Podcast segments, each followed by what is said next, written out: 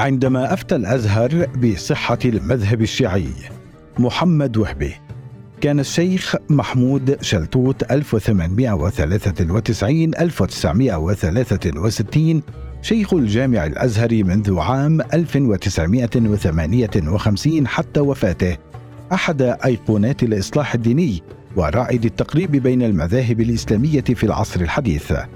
كرس حياته ومؤلفاته للخروج من شرنقة المعتقد والشفاء من العصبية المذهبية فكان أول من حطم احتكار الحقيقة المطلقة التي استأثر بها كل مذهب من المذاهب الإسلامية وكان رائدا في دعوته بجواز التعبد بأي مذهب إسلامي محكم في العصر الحديث. قام شلتوت بالتقريب بين مذهبي السنة والشيعة الجعفرية أو الاثنى عشرية أو الإمامية في فتوى رسمية شهيرة اقترنت باسمه. اعترف فيها بصحة المذهب الشيعي الاثنى عشري بل وأدخله في مناهج تدريس الأزهر كما خصص عضوية للشيعة في مجمع البحوث الإسلامية التابع له سنة 1961 وكانت هذه خطوة ثورية. رأى شلتوت أن الخلاف القائم بين السنة والشيعة كالخلاف بين مذاهب السنة بعضها وبعض حسب ما صرح في حوار مع مجلة الأزهر سنة 1959 وكلل جهوده بفتواه المذكورة آنفا والتي أجاز فيها التعبد بالمذهب الشيعي الاثنى عشري في لفتة تشي بشجاعة نادرة من شيخ جالس على قمة الأزهر أعتى قلاع السنة. رحابة الانفتاح على الآخرين. انطلق شلتوت من فكرة مؤداها أنه طالما كانت مصادر المذاهب الإسلامية واحدة فلا يحق لأحداها احتكار الحق ومصادرة حق المذاهب الباقية بفهم الإسلام وتكفير أتباعها وإخراجهم من الملة الإسلامية. بل وذهب أبعد من ذلك إذ أجاز أن يعتمد المرء في عبادته طرقا جديدة بدون حرج. آراء شلتوت الإصلاحية في التقريب بين السنة والشيعة وتجاوزه حدود المذهب السني إلى رحابة الانفتاح على المذاهب الأخرى كانت سابقة على اعتلائه كرسي شيخ الأزهر فقد بدأت تتبرعم خلال مواقفه في إطار دار التقريب بين المذاهب الإسلامية التي كان أحد مؤسسيها سنة 1948 في القاهرة. كانت هذه الدار جمعية تسعى إلى تقريب المسافات بين جميع المذاهب الإسلامية وضمت عند تأسيسها كوكبة من عشرين عضوا من كبار رجال الدين من جميع المذاهب الإسلامية. من مصر وخارجها وكان شلتوت حاضرا فيها بوصفه عضوا في هيئة كبار العلماء في الأزهر. تقريب المذاهب. كان شلتوت مؤمنا بما سماه دعوة التوحيد والوحدة. بين المذاهب الإسلامية لا سيما المذهبين السني والشيعي الاثنى عشري وكرس شطرا كبيرا من حياته في هذا السبيل. قبل وبعد توليه منصب شيخ الأزهر وسخر منصبه الأخير لهذه الغاية حتى وفاته.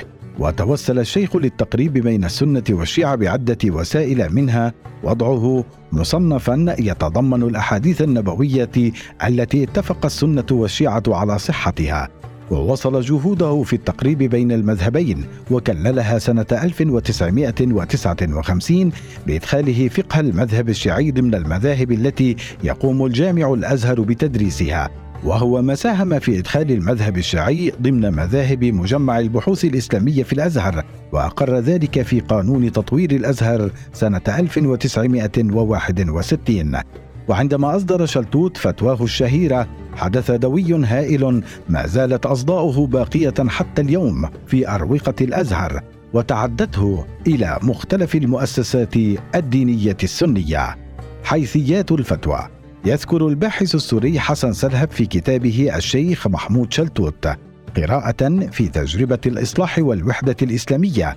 أن لقاءات شلتوت العبيدة والتواصل الدائم مع أعلام الشيعة في تلك الفترة أشاع مناخا وديا انعكست آثاره على فكر الشيخ وإنتاجه وقراراته العامة في الجامع الأزهر. كان في مقدمة أعلام الشيعة الذين التقى بهم شلتوت آية الله حسين البروجردي عام 1875 1961 من إيران. وآية الله محمد حسين الكاشف الغطاء 1877 1954 من العراق. وآية الله السيد عبد الحسين شرف الدين 1872 1957 والشيخ محمد جواد مغنية 1904 1979 من لبنان. عدا صحبته الدائمة لرجل الدين الشيعي الإيراني محمد تقي القمي 1908 1990 العنصر المحرك لجماعة التقريب في القاهرة وغير هؤلاء من أعلام الشيعة في العالمين العربي والإسلامي. النص الأساسي لفتوى شلتوت كان عبارة عن سؤال موجه له من أحد الأشخاص يطلب فيه رأيه بشأن اشتراط صحة العبادات والمعاملات بتقليد أحد المذاهب السنية الأربعة دون غيرها من مذاهب الشيعه فأجاب الشيخ على السائل بأن الإسلام لا يلزم أحدا باتباع أي مذهب خاص وأن لكل مسلم الحق في أن يبدأ بتقليد أي من المذاهب المعروفة شرط صحة النقل فيها وتدوين الأحكام في كتب خاصة واضحة ومعروفة وبالإمكان أيضا الانتقال بين هذه المذاهب بعد البدء بالتقليد من دون أي حرج في ذلك.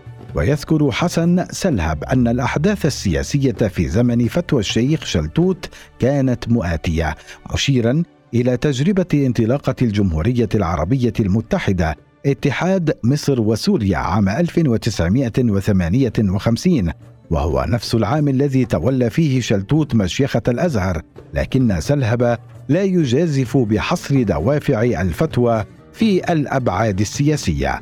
وفي نهاية فتواه قام شلتوت بتذييل وثيقتها بإحالة إلى رجل الدين الشيعي محمد تقي القمي يطلب منه فيها الاحتفاظ بها في سجلات دار التقريب بين المذاهب الإسلامية التي أسهمنا معكم في تأسيسها ويعلق سلهب على ذلك قائلا إنه كأنه أراد الإشارة إلى أن فتواه هي واحدة من إنجازات الدار.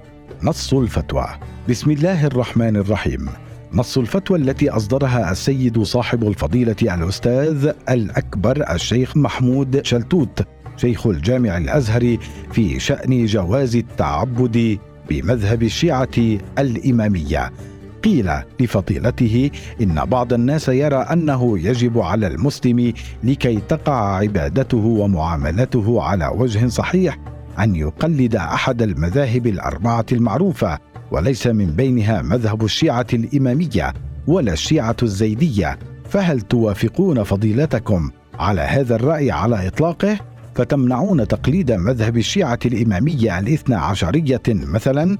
فأجاب فضيلته واحد إن الإسلام لا يوجب على أحد من اتباعه اتباع مذهب معين بل نقول إن لكل مسلم الحق في أن يقلد بادئ ذي بدء أي مذهب من المذاهب المنقولة نقلا صحيحا والمدونة أحكامها في كتبها الخاصة. ولمن قلد مذهبا من هذه المذاهب أن ينتقل إلى غيره؟ أي مذهب كان؟ ولا حرج عليه في شيء من ذلك. اثنان إن مذهب الجعفرية المعروف بمذهب الشيعة الإمامية الاثنى عشرية مذهب يجوز التعبد به شرعا كسائر مذاهب أهل السنة فينبغي للمسلمين أن يعرفوا ذلك وأن يتخلصوا من العصبية بغير الحق لمذاهب معينة. فما كان دين الله وما كانت شريعته بتابعة لمذهب أو مقصورة على مذهب فالكل مجتهد مقبولون عند الله تعالى يجوز لمن ليس أهلا للنظر والاجتهاد تقليدهم والعمل بما يقررونه في فقههم. ولا فرق في ذلك بين العبادات والمعاملات. جاء في ذيل الفتوى. السيد صاحب السماحة العلامة الجليل الأستاذ محمد تقي القمي السكرتير العام لجماعة التقريب بين المذاهب الإسلامية. سلام الله عليكم ورحمته. أما بعد فيسرني أن أبعث إلى سماحتكم بصورة موقع عليها بإمضائي من الفتوى التي أصدرتها في شأن جواز التعبد بمذهب الشيعة الإمامية راجيا أن تجعلوها في سجلات دار التقريب بين المذاهب الإسلامية التي أسهمنا معكم في تأسيسها ووفقنا الله لتحقيق رسالتها. والسلام عليكم ورحمة الله. ثم يمهر شيخ الأزهر الوثيقة بتوقيعه. ردود الأفعال. آثارت فتوى شلتوت لغطا كبيرا في أرجاء العالم الإسلامي فقد تلقفها الشيعة بالثناء في حين ثارت ضده حملة شعواء من المتعصبين من المذهب السني وأحدهم الشيخ السعودي عبد الله بن يابس تاريخ 1969 الذي وضع كتابا بعنوان إعلام الأنام بمخالفة شيخ الأزهر شلتوت للإسلام.